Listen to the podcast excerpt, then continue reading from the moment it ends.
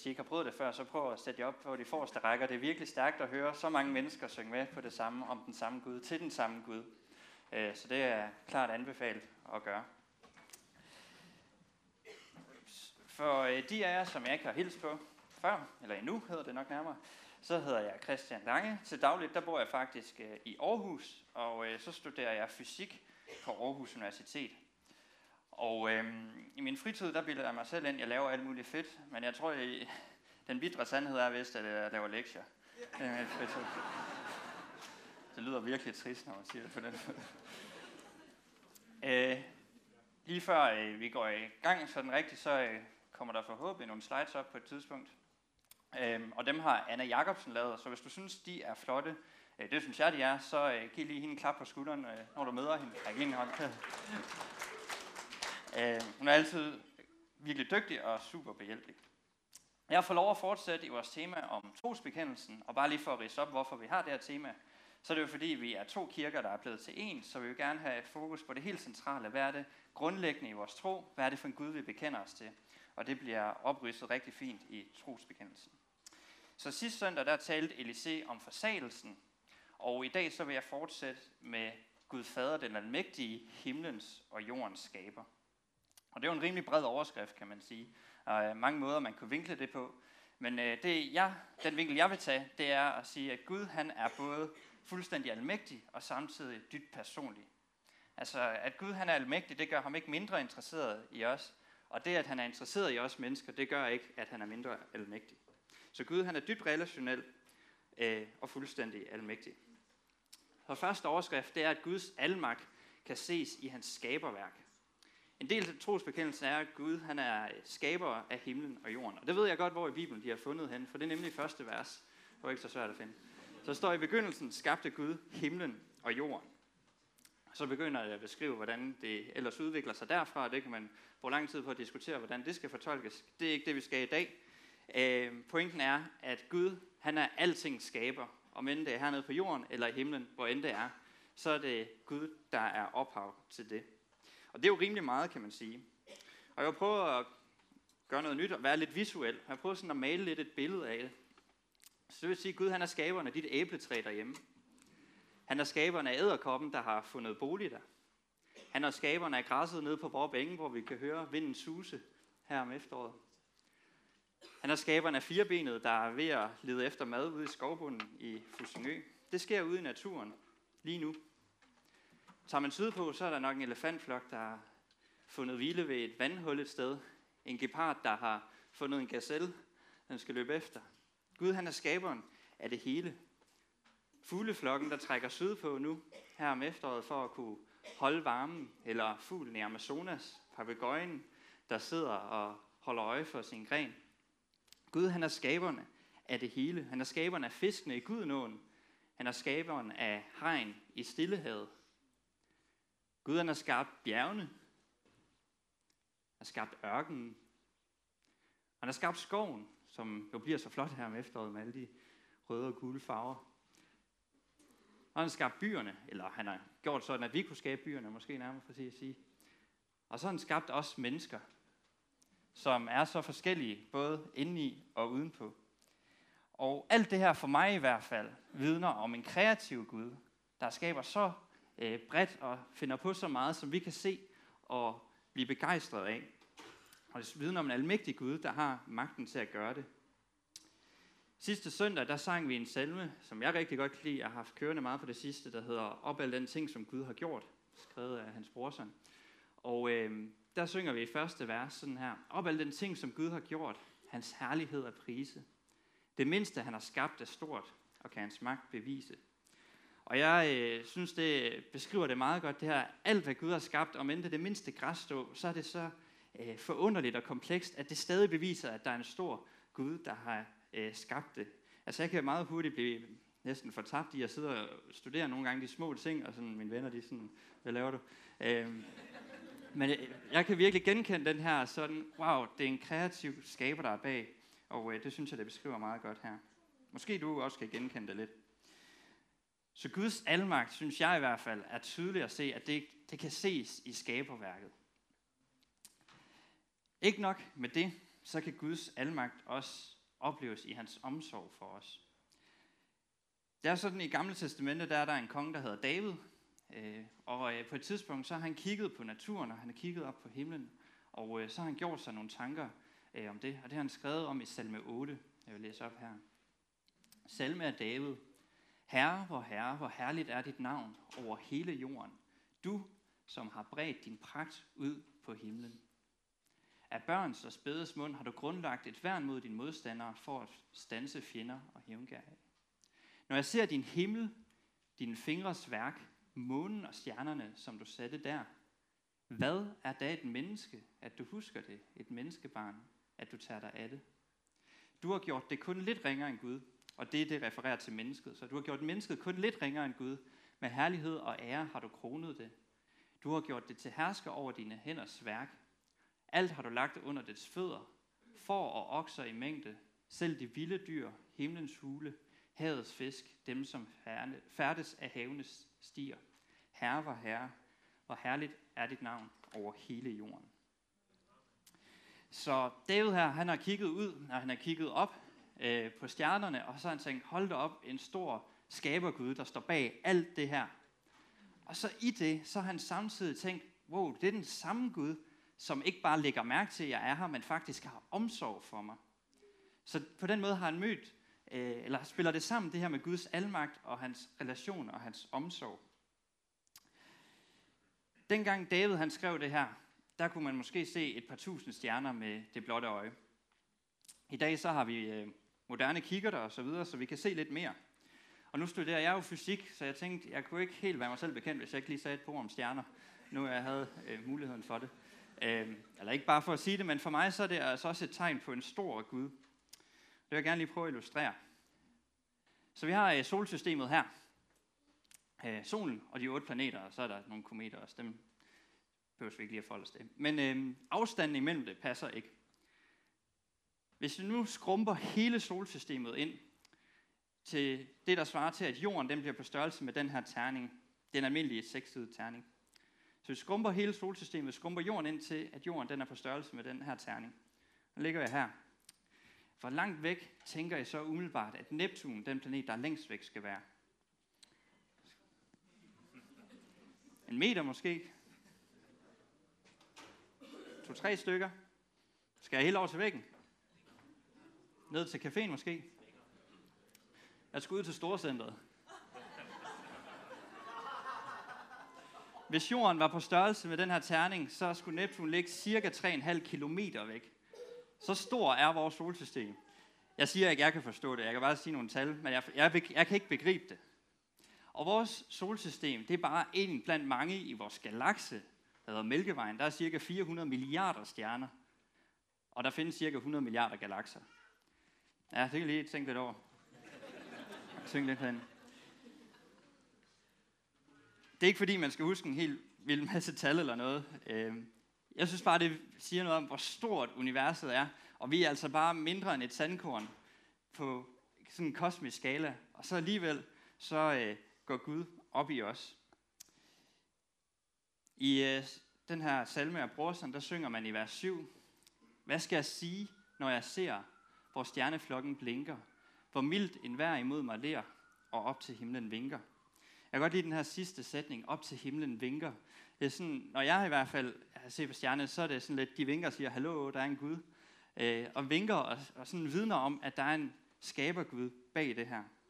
Og så kan jeg også rigtig godt lide ved den her salme, at den er ikke sådan konkluderende på den måde. Den er mere sådan, jeg har ikke ord for det, hvad skal jeg sige? Øh, det er mere en oplevelse, end det mere er sådan logiske slutninger. Og David havde lidt på samme måde, han havde heller ikke ord for det, når han havde set på himlen. Hvad er det et menneske, at du husker det? Øh, et menneskebarn, at du tager dig af det.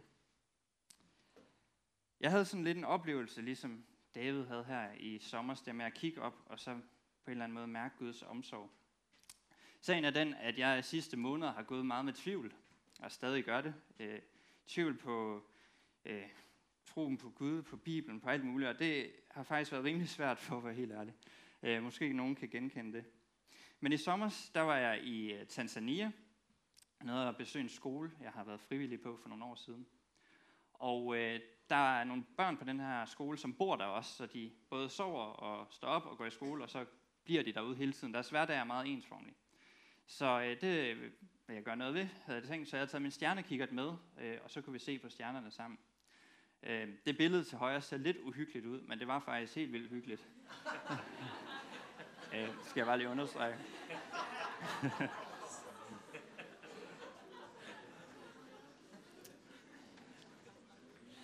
så øh, de havde aldrig set en kikkert før, så vi skulle ligesom sådan, der var mange børn, så vi havde ikke sådan helt vildt meget tid til enkelt, så vi holdt lidt hovedet, så de kunne få lov at se øh, op. Og vi kiggede på månen, øh, fordi den er meget nem at få øje på. Og øh, det er helt vildt betagende at se månen sådan, i en kikkert på den måde med kraterne og skyggerne og sådan noget. Det kan jeg anbefale jer alle at gøre. Øhm, og det var helt vildt meningsfyldt, og lige så snart de fik øje på månen, så var man ikke i tvivl, fordi de sådan, var sådan helt, Woo! lige så snart de fik øje på den, det var sådan helt spontan, umiddelbar øh, begejstring for det her. Det var nogle helt vildt meningsfulde øh, aftener, vi havde her. Men så den sidste aften, så lige pludselig op på himlen, så kom der sådan en lysende prik. Ja, man kan ikke så godt se det her, jeg tænkte det nok. Nå, det der lyser meget, det er månen, og så var der sådan en prik et sted ind i den røde cirkel der, øhm, som lige pludselig kom op. Det var bare en prik, der bevægede sig hen over himlen, var væk i løbet af et minut. Og de her børn, de pegede op og spurgte, hvad er det? Og jeg vidste det ikke. Øh, men jeg fik min telefon frem og fik lige taget et billede af det, og så øhm, har jeg sådan en app, som kan sige mig, hvad det, hvad det er, man kan se på himlen. Og det viste sig, at det var den internationale rumstation, der kiggede frem. Og nogle af jer sidder og tænker, hvad så? Øhm, men det var faktisk helt vildt. Jeg blev mega begejstret. Sagen er, at den internationale rumstation, den bevæger sig rundt om jorden en gang på halvanden time. Så det vil sige, fra vores gudstjeneste gik i gang til vi er færdige, der er der seks astronauter, der har været en gang rundt om jorden. Så den bevæger sig virkelig hurtigt, og den spaner aldrig den samme. Så det er virkelig svært sådan egentlig at få det timet, så man kan se den. Jeg har prøvet mange gange i Danmark, men det er aldrig lykkedes, øh, og så har der været dårligt vejr og alt muligt. Øh, men så står jeg her i en ret meningsfyldt situation i udkanten af en by i det nordvestlige Tanzania, og har den her gode aften med de her børn og viser dem månen.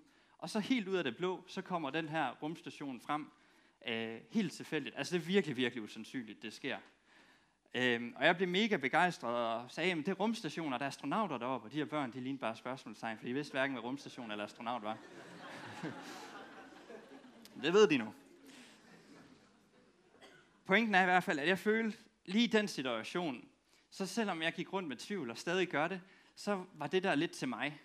Det var, sådan, det var lidt mit sprog, øh, der blev talt i. Øhm, øh, og selvom det i bund og grund er en tilfældighed, så oplevede jeg det som om, det var noget Gud han havde sat i værk til mig. Øh, det var noget, han kunne gøre, fordi han var almægtig, og han vidste, at det kunne ske lige der, og kunne sætte det i stand.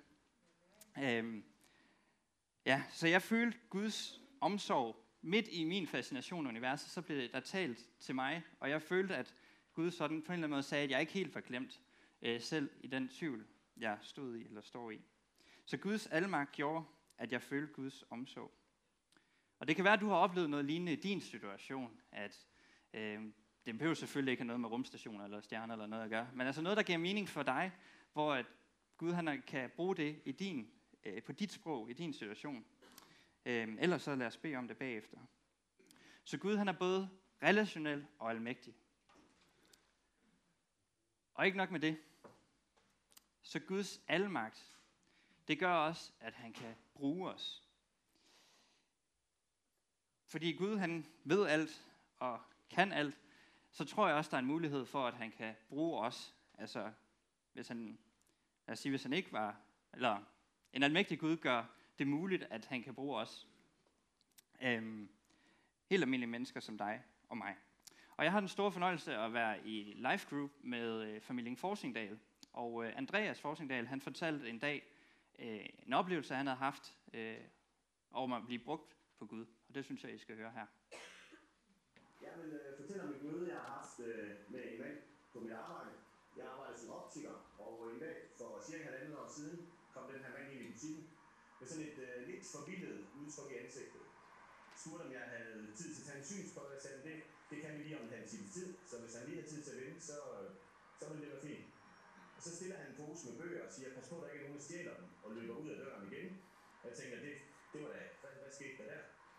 Og spekulerede på, om jeg nogensinde så ham igen. Men efter en halv time, så kommer han og er faldet lidt til ro. øh, går så i gang med, øh, med den her synsprøve.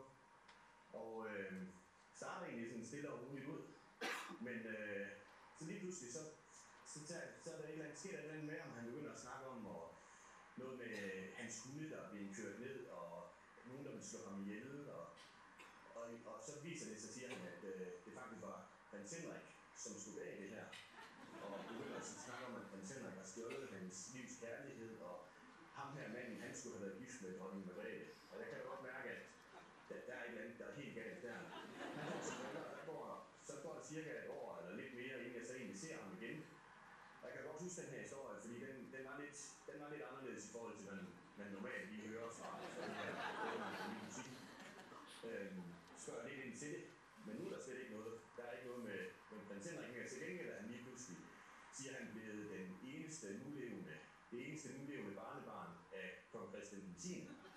Så jeg tænker, der, der er jo et eller andet helt galt, men forsøger bare stadigvæk at behandle ham med respekt, i stedet for at måske bare sige, at, at han skal lade være med de her historier. Og samtidig kan jeg også godt mærke på ham, der er noget, han er bange for. Og finder ud af, at øh, han, han siger, at han har en onkel, som vil slå ham ihjel. Og han virker så meget, meget plaget, og den her onkel har forsøgt at smide ham i havet nogle gange, men slå ham ihjel. Men jeg lader ham fortælle, fortælle historien, og, og, og bare lytter til ham, og lader ham, lader ham komme af med det, han nu har brug for at fortælle her. Samtalen kører lidt videre, og så snakker han lige pludselig om, øh, fordi vi har snakket om bilen, snakker han om John Lennon, og så siger han, at nogen siger, at han var verdens største mand, og den største, der havde levet her på jorden. Og så siger han lige pludselig, men det er han ikke, der tager de fejl. For den største, der nogensinde har levet på jorden, det var Jesus Kristus, Guds søn. Jeg blev bare sådan en, hold op. Det, øh, det, var da, det var da noget lige pludselig at sidde og sige der. Og øh, begynder han at fortælle om øh, specifikke ting fra Bibelen, og drømmen, som Josef havde haft omkring, at de skulle flytte til, eller, til Ægypten. Øh, jeg siger til ham, at du har da godt nok kørt efter søndagsskolen, så siger han, ja, du skal også vide, at jeg læser i min bibel hver dag. Og efter jeg har fundet Jesus, har jeg virkelig fået fred. Selvom jeg har den her sygdom, fordi han er åbenbart godt selv klar over, at, at han har den her sygdom. Øh, efter jeg har fået Jesus, siger han, så har jeg virkelig fået fred i mit hjerte. Så uanset hvordan jeg har det, så ved jeg bare, at Jesus han elsker mig. Og jeg sidder bare bagefter og tænker, fantastisk, at så forpint en mand i, med det her skizofreni, som han døjer med, at han alligevel bare har fundet ro og ved, at uanset hvad der sker, jamen så, så elsker Jesus ham, og han kan finde fred der. Så det var en stor oplevelse for mig at, ja, at bare mærke den fred, som, som boede i hans hjerte, på trods af alt det, som, som han pines med. Hvor der cirka en uge, så kom han ind og skal hente de briller, vi nu får lavet til ham der. Og så står jeg og snakker med ham, og så siger han, du skal vide, at jeg har faldet stor kærlighed til dig, siger han til mig. Og han taler også en mærkelig måde, så du skal vide, at jeg har faldet stor kærlighed til dig. Men vi stemmer ikke selv, hvem man bliver forelsket i, men jeg er kommet til at elske dig, siger han så. Og står sådan og tænker, okay. men øh, og så siger han, må jeg godt komme ind og, og bare snakke med dig en gang imellem. Jeg kan så godt give at komme herind, og at du bare gider at høre på mig. Jeg tænker bare, tænk, bare ved at, at, at have lyttet til ham, at man, ja, man siger, får sådan en, en tillidserklæring fra ham, at han bare godt kan lide at komme ind. Og det, er jo ikke, det har ikke noget med mig at gøre, men det har noget at gøre med den, som, som bor i mit hjerte, som, som kan give ham fred også. Så jeg sagde, selvfølgelig må du komme ind, og så øh, får vi bare en snak en gang imellem.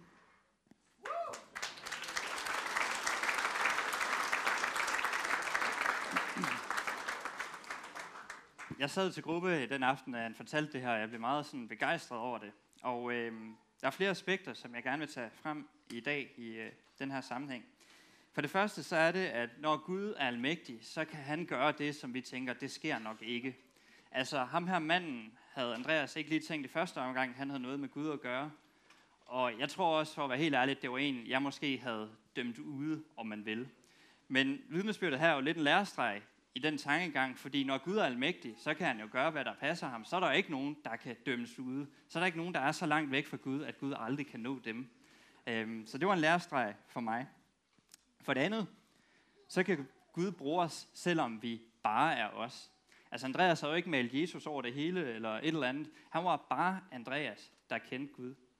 Men det var netop bare Andreas, som Gud valgte at bruge i den her sammenhæng, til at være en velsignelse for ham med manden, øh, der kom på besøg.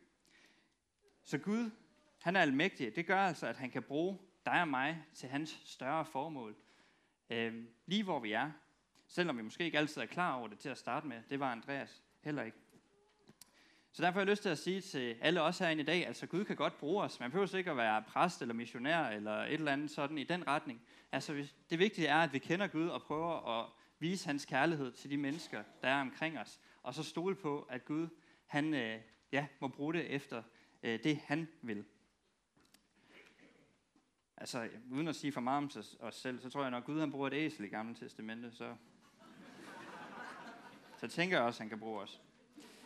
Så Guds almagt, det kan ses i skaberværket, det kan opleves gennem omsorg, som jeg havde oplevelsen af i Tanzania. Det kan være, at man kan få lov at opleve Guds almagt gennem at blive brugt, ligesom øh, Andreas fik lov til det, at være en velsignelse for andre. Det kan opleves gennem øh, mirakler, helbredelse eller noget helt andet. Men Guds almagt, det gør ham altså ikke mindre personlig. Tværtimod, for Gud han er både almægtig og personlig. Han er dybt relationel og fuldstændig almægtig. Jeg vil gerne, at vi lige tager et par minutter til refleksion. Nu prøver noget nyt igen. Øhm, jeg har egentlig tænkt, at jeg skulle spille en sang. Jeg kan sådan nogenlunde spille klaver, men der er et eller andet problem med mig og klaver. Sådan, jeg kan godt spille, men så når jeg begynder at synge, så spiller klaveret falsk. Det er helt vildt mærkeligt. øh, så, øh, så det vil jeg spejre for. I stedet så skal vi lytte til øh, en sang, der er skrevet over salme 139. En sang, som øh, betyder meget for mig. Og øh, den beskriver, hvordan Gud han relaterer til os, selvom han er alting skaber, så er han stadig dybt interesseret i os. Så lad det lige være et par minutter til refleksion over noget af det, jeg har delt, eller måske bare, hvordan dine tanker tager dig hen, og øh, så runder jeg af bagefter.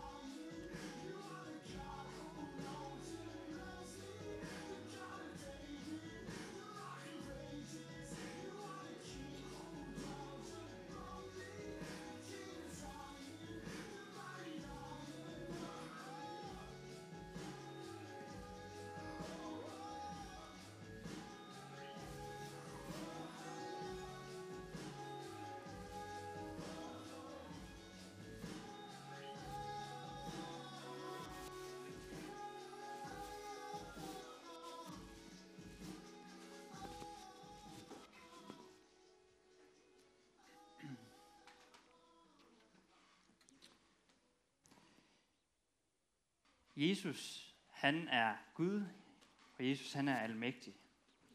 Jesus, han er både dybt relationel, og så er han fuldstændig almægtig. Og det læser vi tit om i evangelierne i det nye testamente. Jeg har lige lyst til at læse et skriftsted op for jer. Det er fra Lukas evangeliet, kapitel 18. Der står sådan her. Da Jesus nærmede sig Jericho, sad der en blind mand ved vejen og tjekkede. Han hørte, at en skar kom forbi og spurgte, hvad der var på færre. De fortalte ham, det er Jesus fra Nazareth, som kommer forbi. Der råbte han, Jesus, Davids søn, forbarm dig over mig. De, som gik foran ham, troede af ham, for at få ham til at sige stille, men han råbte bare endnu højere, Davids søn, forbarm dig over mig. Og Jesus stod stille og befalede, at manden skulle føre sendt til ham. Da han var kommet derhen, spurgte Jesus ham, hvad vil du have, at jeg skal gøre for dig? Han svarede, Herre, at jeg må kunne se. Og Jesus sagde ham, bliv seende, din tro har frelst dig. Straks kunne han se, og han fulgte ham og priste Gud, og hele folket så det og lovpriste Gud. Der er mange ting, man kunne gå i dybden med i det her. Det meste, det må blive en anden god gang. Det jeg bare vil hive frem, det er, hvordan Jesus han er både fuldstændig optaget af manden her, og samtidig fuldstændig almægtig. Altså han spørger manden her, hvad, hvad vil du have, jeg skal gøre for dig? Altså han er interesseret i mandens ved og vel, han vil gerne kunne hjælpe ham. Og jeg synes, det er lidt interessant, han egentlig han spørger om, hvad han kan gøre, for han ved det jo godt. Altså manden er blind, og det kan, ved Jesus jo godt i forvejen. Men han ønsker, at manden skal svare i tillid. At han ønsker, at manden skal svare i tillid til, at Jesus må kunne give ham synet igen. Altså, jeg har aldrig prøvet at spørge nogen om, øh, altså, hvad kan jeg gøre for dig? At de så har svaret et eller andet, du skal gøre et mirakel. Altså, det er der ikke nogen, der har den tillid til mig. Men manden, han svarer med tillid til Jesus om, hey, jeg tror, du kan give mig synet igen. Det ønsker jeg, at du skal gøre. Så Jesus, han er dybt relationel og interesseret i manden her, og ønsker at øh, ja, møde ham. Og samtidig så reagerer han fuldstændig almægtigt. Altså, han giver ham synet igen, han udfører et mirakel, så det er ikke to forskellige ting, det er en samme natur, det er en samme Jesus, vi møder her. Og sådan kunne der være, er der mange eksempler i det nye testamente. Han reagerer både personligt og almægtigt på den her mands råb om hjælp. Men der hvor Jesus han viser, at han er mest kærlig, det der, når han dør på korset for os. Så Guds søn, han vælger ikke at blive født her på jorden i et eller andet fint palads og være fin på den. Nej, han vælger at blive født i en stald. Han vælger at tjene, han vælger at bøje sig for os. Og han vælger faktisk at gå i døden for dig og mig, for at alt det, vi har gjort forkert, al den skyld øh, og skam, der følger med, og den straf for overtrædelser, den har han betalt. Og så døde han den død, vi skulle være, øh, den død, vi fortjent. For at vi kunne blive tilgivet og komme til Gud, og kærlige og almægtige far, som vi var skabt til at kende helt fra begyndelsen. Og samtidig i det, så er han, der han er allermest almægtig. Hvordan det? Jo, han besejrer døden. Jesus han døde den død, vi skulle dø, men han vandt over døden og genopstod igen. Og det betyder, at vi aldrig i virkeligheden skal dø, men vi i stedet har fået et evigt liv sammen med ham. Altså hvis det ikke er almægtigt, så ved jeg snart ikke, hvad der er. Altså, om lidt så skal vi øh, synge sammen, og så vil der være mulighed for at øh, for forbøn herover øh, ved korset. Og øh, lovsang, I må godt lige så stille begynde at trække op. Har noget af det her, jeg lidt har delt rørt dig i dag, så øh, kom op og bring det frem for Gud foran øh, sammen med andre. Øh, det kan være, at du har brug for, at Gud han sådan almægtigt skal gribe ind i dit liv og vende en eller anden situation på hovedet. Det kan være, at du tænker Gud som almægtig, men det der med sådan relationelt, sådan personligt, det, det har du ikke helt oplevet. Så bed om, at Gud han må vise, dig, vise sig på en særlig måde. Det kan også være, at du ligesom mig øh, kæmper lidt med tvivl. Øh, så kom op og bring det frem for Gud og spørg, om han ikke vil plante noget tro. Øh, I hvert fald bring det frem for Gud. Også gerne komme og bede for mig, for den sags skyld. Øh, og hvis du er ny her i dag, og ikke lige ved, om du tror på Gud, så er det okay. Øh, så vil jeg udfordre dig til at bede sammen med den, du er kommet med, eller heroppe ved forbøn. Bed om, at Gud han må vise sig for dig på den ene eller anden måde. Vise, at han er til. Og ikke mindst, at du er højt, højt elsket af ham. Jeg vil lige slutte af med et smukt digt, som jeg fandt for lang tid siden. Det er sådan illustreret. Der er sådan her. Before air or light or spinning spheres, before laughter, shouting, joy or tears, before everything we've ever touched, or held, or stroked, or tried to reach, or thought to say, or tried to teach, Before oceans and creatures and soaring heights, before depths and mysteries and first winged flights, before everything that we now see and love or long for or want to be, before all the dreaming and inventions, before all the scheming and conventions, before all the cultures and the nations, before all life's great and strange sensations, before everything we have seen and done, he was and is and is to come.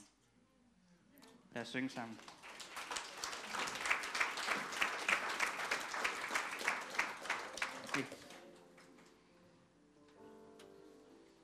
Ville synge faktisk den sang, som du refererer til, af den ting, som du har gjort.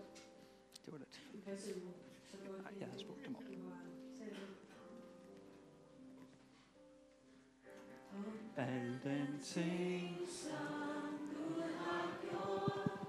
hans kærlighed